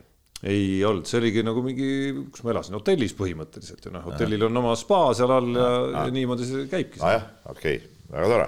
nii, no võtame, mis seal ikka, Tuulile tuleb soovitada, et kui on nii, siis on nii. no kuule, tuli. saunas, ütleme niimoodi, et ei, oluline on, oluline on lihtsalt, et ega äh, saunas ei saa käimata jääda, ütleme siis nii. muidugi. saun on ikkagi nii püha. ja noh, kuule, peab ikka meeldiv ka olema, miks ka mitte. Tahad sa veel midagi Ei, jaburat öelda? võta kähku üle, enne kui Peep siin kuskil, kuskil ikka oota. mingi maitsevääratuse teeb siin. oota, stopp, stopp, Jaan stopp, ei Jaan. meie saate tuleviku huvides, võta järgmine rahu teema.. mis ma siis nagu, sa tahad öelda, et ei ole siis meeldiv või? mis asi? saunas käik. on küll. noh, Väga meeldiv. aga mis sa räägid siis? ei no ma tajun, kuidas sa tõmbad nagu tuure ülesse siin praegu tunnen sind nii hästi, et saad aru, kus tuleb nii-öelda piiri hakata tõmbama. Mis tuure? nii, võtame järgmise teema ja räägime korvpallist ja Eesti korvpallifännide armee siis eh, marssis Kaunasesse kõik eh, ühiselt peaaegu kaks tuhat inimest, et vaadata siis Kaunase Žalgirise ja Baskonia vahelist mängu. Baskoonias on meie mees, Žalgirises meie mehi ei ole, aga, see hakkas meie võistkond, noh. aga ta on meie ma võistkond. tean, paljud eestlased, kes tegelikult käisid, olid ikkagi Salgirise poolt, noh. Kuigi rohkem mulle jäi mulje ikkagi, et pigem see Kotsari ja Raieste kohalolek äh, andis neile nagu, kallutas neid nagu vist rohkem oli neid, keda see kallutas ikkagi nagu Baskoonia. jaa, aga, oli ka neid, kes Oli- oli reaalselt kindlasti poolt. ma tean ka näiteks kokkuvõttes, ma, ma võin tunnistada, et tead, ma ise olenemata, ma olen meie meeste poolt, ma olen vist saates ka öelnud, ma tahan teile jumala hästi, aga, aga ütleme mänguliselt ma olen ikkagi e- Euroliigas eelkõige Barcelona ja Salgirise poolt, mitte Baskonia poolt, noh. Ja no siin me ja, ja noh, sinuga me eristume, et, et ma, ma kaldun sellistes kohtades läbi aastate kogu aeg selle nagu eestlase või eestlaste meeskonna poole. on. kolmandana ma loomulikult siis Baskonia poolt, et ma tahan ja ma tahan, et meie mehed alati palju mängiks, teeks palju punne, aga ütleme jah, on nii on. ma ei saa olla nii, et ma ka näiteks, et, et ma ei saagi neist aru, kes käisid kogu aeg eh, Kaunases on käinud, ma ei tea, viis-kuus korda Salgirisest, Salgirist fännamas ja nüüd järsku fännavad Salgirise vastu nagu noh, see nagu imelik nagu ei ole või, on ju noh, samas kui äh, oletame, Kaunase Žalgirist tuleb mängima mingitel asjaoludel Kalev Cramo vastu ühel hetkel. sa käid Kalev Cramo fännina küll Žalgirisele Euroliigas kaasa elamas, aga siis ühel päeval lähevad nad kokku omavahel ja siis on No loogiline on et sa kaldud, kaldud oma kodumeeskonna poole. see on natuke teine asi ikkagi. no noh, see on natuke selgemini lihtsalt nojah, või kuidagi mustvalgem näide. päris, no see päris sama ei ole. aga ei no äge, et see kultuur, see Kossu, ta on nagu osa seda- sellest Kossu ažiotaažist ikkagi. ma mõtlen, aga ma mõtlen seda, et eh, palju seal Milanos oli ka mingi, mis seal öeldi, kolm tuhat või, või mitu tuhat inimest kohal, nüüd kaks tuhat eh, seal Kaunases. Ja siis vaatad neid Eesti liiga eh, vaatajanumbreid, noh, eilegi siin just arutasime, et oleme õnnelikud, kui kuskil nelisada kokku saame, eks ole, et, et kus need Kosovo fännid siis nagu igapäevaselt meil seal? ta või, või on selles ikkagi selles Kaunasse minekus, kuna ma tean väga palju seltskondi, kes seal käisid, ma tean päris mitmest seltskonnast, mismoodi seal käidi, olen näinud igast pilte ka siin ja, ja asju, siis või, või on ikkagi see, see mineku võlu on lihtsalt, ütleme, see mäng on ainult üks asi, aga kõik see muu triangel, mis sinna juurde käib, on ikkagi see, mis, mis käivitab inimesi sinna minekule. ei no kindlasti, aga noh, teisest küljest on see ka see, mida sa siis koged seal reaalselt, et noh, sa kuulad isegi inimesi, kes kes on elus ikkagi nagu korvpalli vaatamise kogemust on rohkem kui ainult Eestis on ju. ja, ja sa, ja sa tajud, kuidas nad tulevad nagu õhates tagasi sealt ja, ja räägivad mitte ainult sellest äh, poolest, mida sa siin mainid siin, ükskõik kas teel sinna tagasi või koha peal on ju, vaid räägivad ka sellest reaalsest elamusest seal Žalgirio areenal ikkagi, mida. mida, mida ja ma olen käinud jah, et mida nii see mäng kui ka kogu see mängukorraldus, mida see nii-öelda täismaja viisteist tuhat seal siis noh, selle osa, osaks olemine nagu pakub sulle, et, et, et, et reaalselt et mis see eelarved seal paari-kolmesaja euro ringis ilmselt reisidel enamasti said olema. et noh, kus nad on nagu väga rahul selle noh, selle korvpallipuhkusega, mida nad sealt said ja selle elamusega, mis nad sealt, sealt said, et et noh, raske on näha siin vähemalt mingites kodu ja see ei puuduta Keilat küll, et Keila on siin pigem selline nagu noh, selgelt tore koht jälgida kasvõi, kasvõi läbi ekraani, kuidas seal nagu mingi melu on, aga, aga siin nädalavahetusel oli ka üks mäng, mis jõudis kas vist isegi suurele ekraanile, kus, äh, mis toimus Rakveres. No seal alla, alla saja vist. kus, kus alla saja ja kus vahe oli nelikümmend kuskil seal ei, on ju noh, et siis, seda küll. et noh, raske on nagu... Rakvere ra,, raske on ka nii-öelda Viru lastele siis eh, ette heita, et nad võib-olla läksid hoopis Kaunasesse hoopis teistsugust elamust. vaata, see on, see on nagu sama teooria, mis, mille pärast ma siin tihtipeale Jaani ja mingeid eh, vendiga sarjan, eks ole.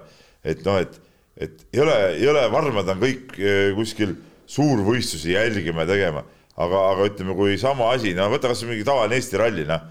no Jaan ei aja sinna kaikaga välja, eks ole, tead noh no äh, sama ei, asi ju. jah, ei no, aja. sama asi, no ei ajagi välja, eks ole, või ükskord, kui ma sain ise minna, siis ma ikka ajasin sinna välja seal Rakveres, ükskord käisid, eks ole. ei no nüüd ma käisin Otepää rallil ka, aga. Otepää ka, aga no jaa, aga, aga ütleme, kui täna poleks olnud, siis ma oleksin elu sees näinud, eks ole. aga eks siin ongi see elamuse vahe nagu, ikkagi noh. ei no see elamuse vahe, küsimus on, kas see sport sind huvitab või see sport sind ei huvita, tead. Peep, ma, ma, ma siin, siinkohal räägin, et kui meeletult palju seda sporti on, ma lihtsalt ei jõua, kui ma oleksin puhtalt rallifänn, puhtalt rallifänn siis kindlasti kindlasti käiksin ka nendel väikestel rallidel. Oma silmaga kasvõi väikse võistluse nägemine on kindlasti suurem väärtus ja... kui läbi selle kuradi arvuti ekraani mingit suvalist MK-etappi vaadata. Peep, siinsamas ma võtan sellesama nädalavahetuse ja ka seda, mida ma tegelikult ju vaatasin ka moel või teisel, eks ma jälgisin sedasama rallit, ma jälgisin seda vehklemist, eks ma vaatasin vehkle, vehklemismatše nii individuaalselt kui teist, mul oli silm peal kahevõistlusel ja kui ei oleks olnud seda rallit, ma oleks seda kahevõistlust kindlasti vaadanud, ma oleks ka laskesuuska vaadanud, eks, mida ma kahjuks ei näinud, aga mida ma tahtsin ka vaadata, oli äh, Martin Liivi sõidud, aga sealt ei olnud ülekannet ainult. et need on need kõik puhtad asjad, mida ma sel nädalavahetusel äh, lihtsalt vaatasin. Ameerika jalgpalli ka vaatasid või? Äh, ei vaadanud, vaatasin hommikul äh, kokkuvõtet. kuidas nii, siis see oli küll möödalaskmine? ei, ta, ta võis olla möödalaskmine, aga see oli öösel, ma pidin ju hommikul no,. Äh, hommikul... vaatadki ja lähed otse lennujaama, noh ei, liiga vana selleks, eks. naiste kossu sai ka veel vaadata nädalavahetusel. jah, ja kusjuures. ai, see oli valus lõpp, see oli valus lõpp, ma, ma veel tulin pühapäeval tulin trennist ja noh, see mäng käis samal ajal, eks ole, ja, ja, ja siis autos äh, enne sõitma hakkamist ma vaatasin selle lõpu telefonis, võtsin ülekande ette ja see oli, see oli valus kaotus muidugi, aga naised, okei okay,, Kreekal ei olnud seal kahte, kahte kõige suuremat äh, sihukest vedurit ei olnud kohal, aga no,. Eestil polnud ka päris aga, palju vedureid. ja, ja ma ütlen, aga no tervikuna isegi selline Kreeka muidugi levelit peaks olema äh, kaks sammu kõrgem, see oli ehe näide jälle sellest, et kui üks võistkond tuleb natuke lodevalt peale, siis kuradi raske on sealt välja tulla ja, ja Eesti need noored tüdrukud said ju väga, väga hästi hakkama, see koondises oli ju päris palju neid kuue-seitsmeteistaastaseid tüdrukuid ju tegelikult, et, et, et väga, väga vinge sooritus, kahju, et kaotasid lõpuks, aga, aga vinge sooritus oli. aga selle peale läks jutt. aga kui me juba Kossu juures oleme, siis rubriik Nädal Keilas loomulikult ei, ei saa ka olemata olla. kaotuste seeria lõpuks ometi sai läbi. Peep pakkis selle peale asjad, mitte ainult Peep, vaid äh, kogu perekond Pahvi meespool pakkis asjad, sõitis Rootsi, meeskond sai vabad päevad ja jäi Keila spaasse mõnulema, nii et nüüd on täna huvitav oodata. siin on nüüd mitu. täna mitu huvitav oodata, mis, mis juhtuma hakkab. siin on mitu faktilist viga, siin on mitu faktilist viga, esiteks Keilas ei ole spaad, alustame sellest. no see on ikka täitsa spa mõõtu asi. spa on meil laulas. ütleme nime, ütleme nime küsimus, noh, seal spa. on ikkagi sellist nagu. spa tähendab seda, et sul on ma ei tea, mingi viis-kuus sauna. sul on üks liutoru isegi seal, seda ei ole enam. on, liutoru no. ikka on, miks ei ole siis seal kogu aeg see, seal teatud kellaaegadel lastakse vesi sisse, siis saab alla lasta. ja seal on niisugust nagu mõnulemisbasseini ka, mitte ainult see, kus sa trenni teed. noh, no, jaa, aga ta päris spa ikka ei ole, ta tavaline tervisekeskus.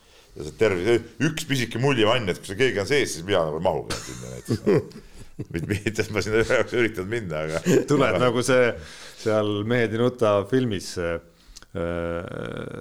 lauljamees seal selle paadisilla peal seal, Need, kes mullivannis on juba. Ja no on no,, karjuvad seal suure hirmuga.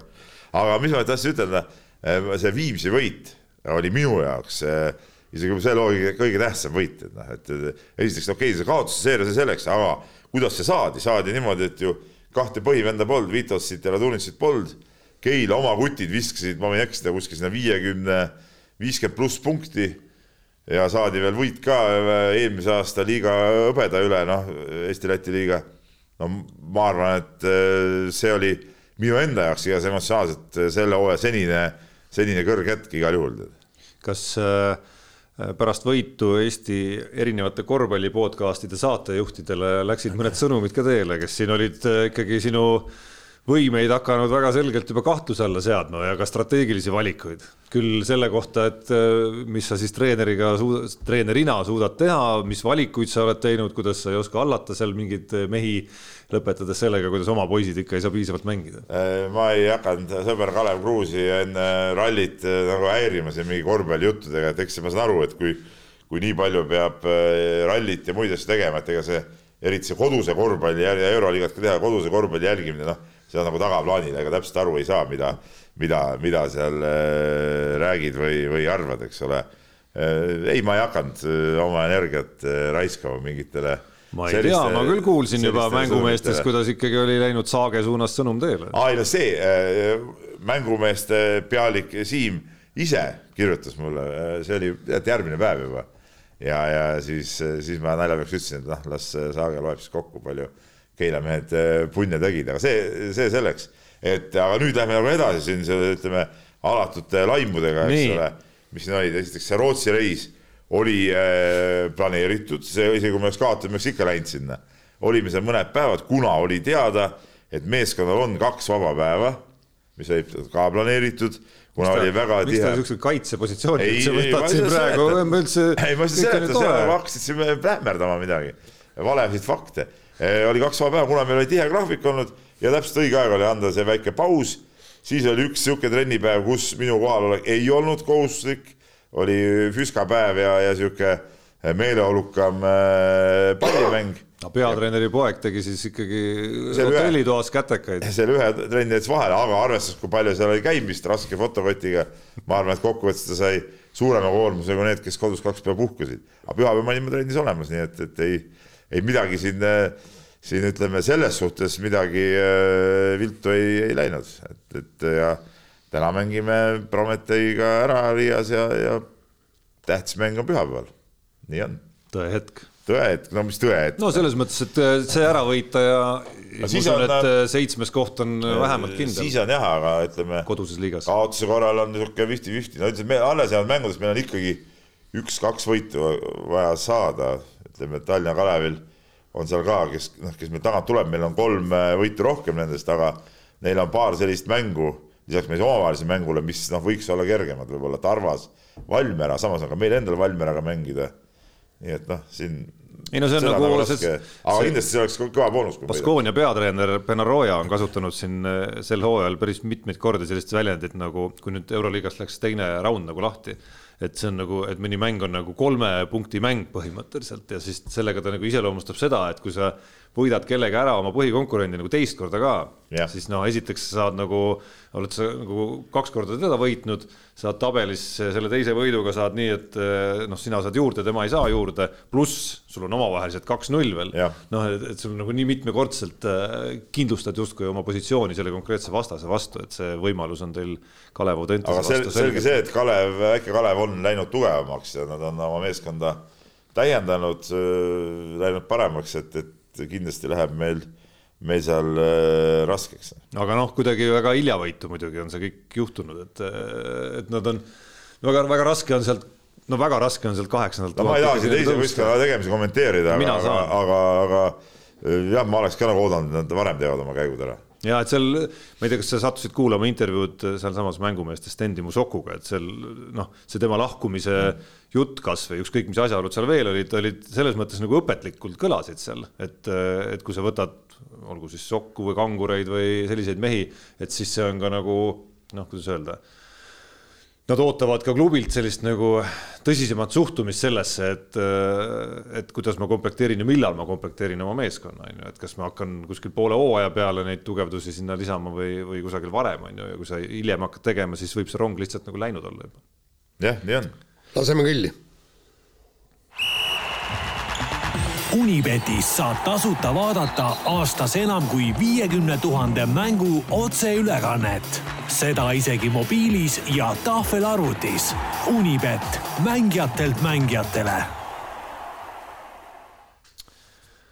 Nonii, Peebu Või... Peebu nägu vaadata, siis ma saan aru juba, et passimistaktika muudkui, selles mõttes on hea taktika sul muidugi see aasta, et parim moodus mitte lasta ennast üldse, kus sa seal käisid saja juures ära eelmisel aastal on Aga, see, et. siin on üks mure on lihtsalt see, et ma ei oska seda nulli ennast mängida, see õpe andis küll mingeid õpetusi, aga. näitan sulle ära selles. pärast peab vaatama seda jah, et, et kuidas see no,. Nii... noh, ma pole vaadanudki seda tegelikult. ikka see, no okei okay. aga see õpetus tundus nii keeruline mulle. ma pean minema kuhugi no,, kuhugi, kuhugi lauda mingi midagi mängima ja ma ei tea, mis oh. tegema noh on ikka no,.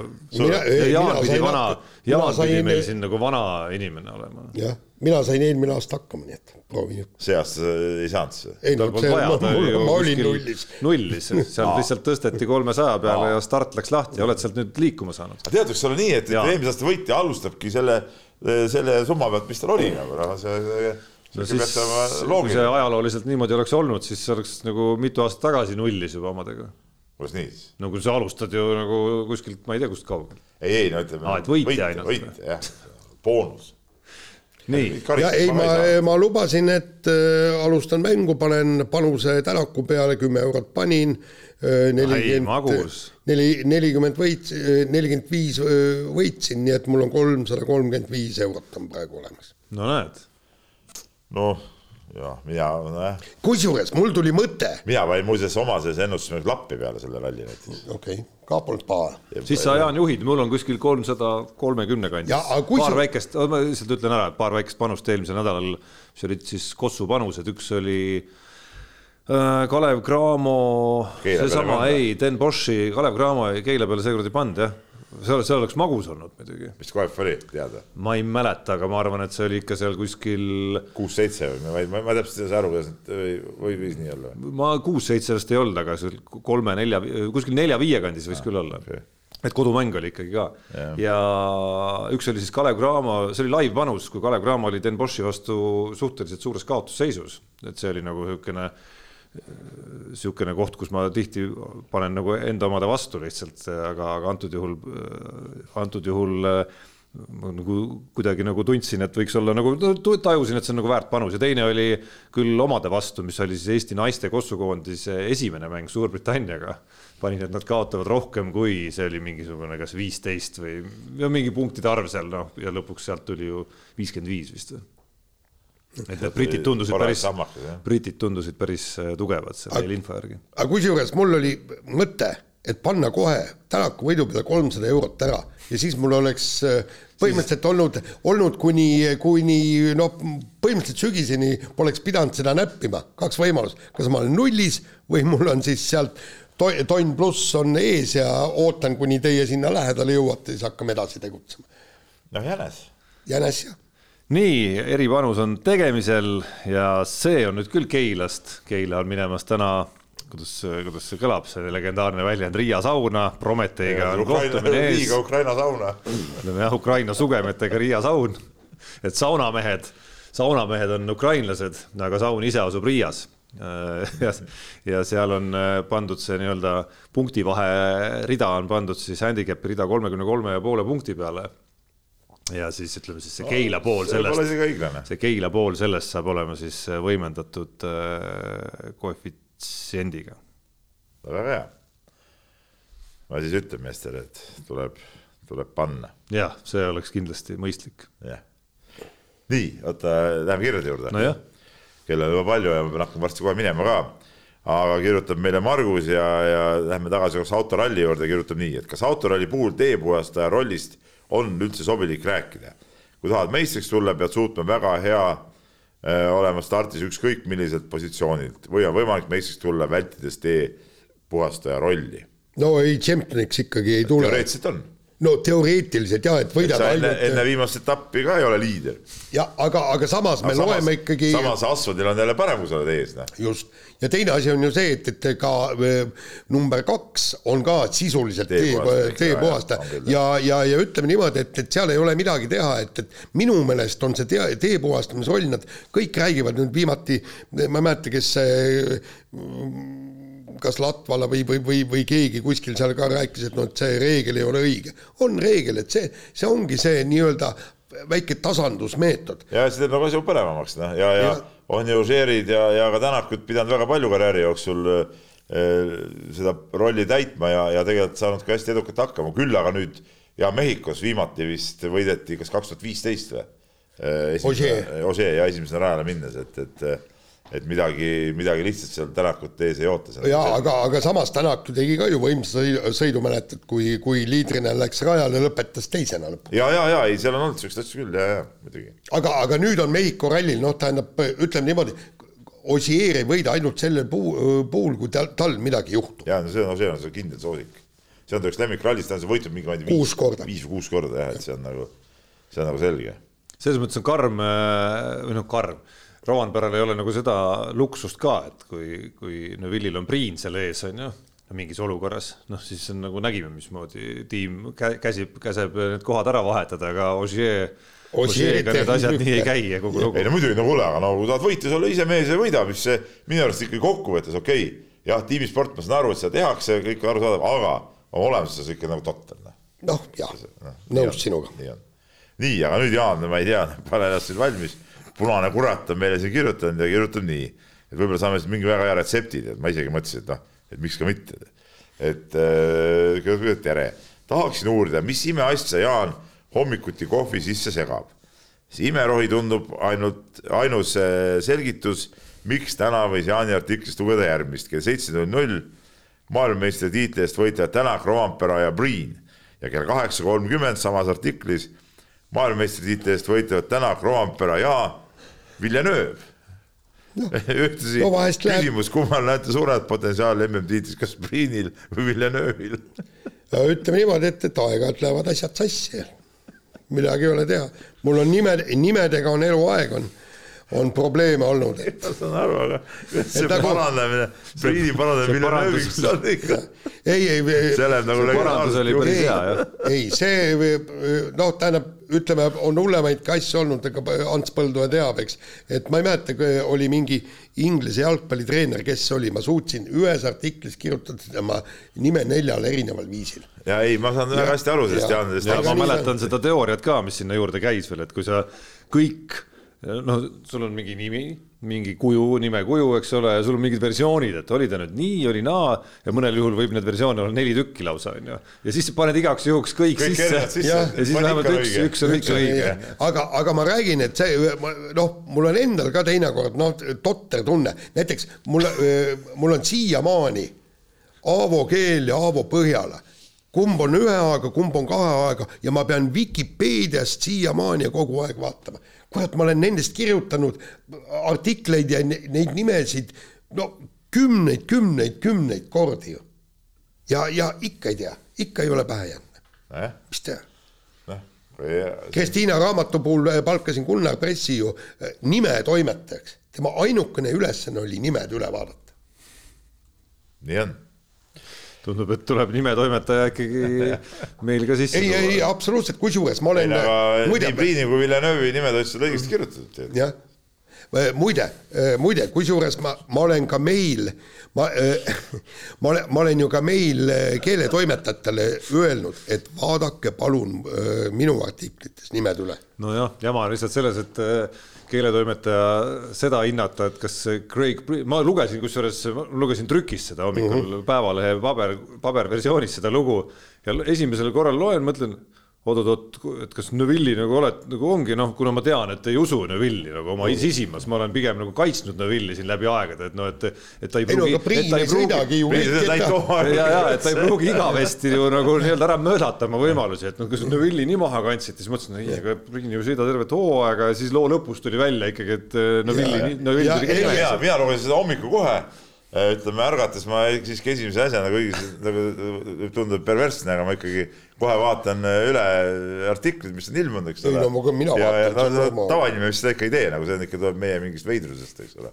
nagu ma olen aru saanud, ükspäev rääkisime inimesega, kes tuli välja täitsa adekvaatne inimene, vaatab üldse uudiseid kaks korda päevas, mis tundus jabur, nagu ma mõtlesin, noh, kaks korda poole tunni jooksul nagu normaalne vaadata, et kas esikate peal on midagi uuenenud. ei no umbes nii jah. sa ei vaata niimoodi või?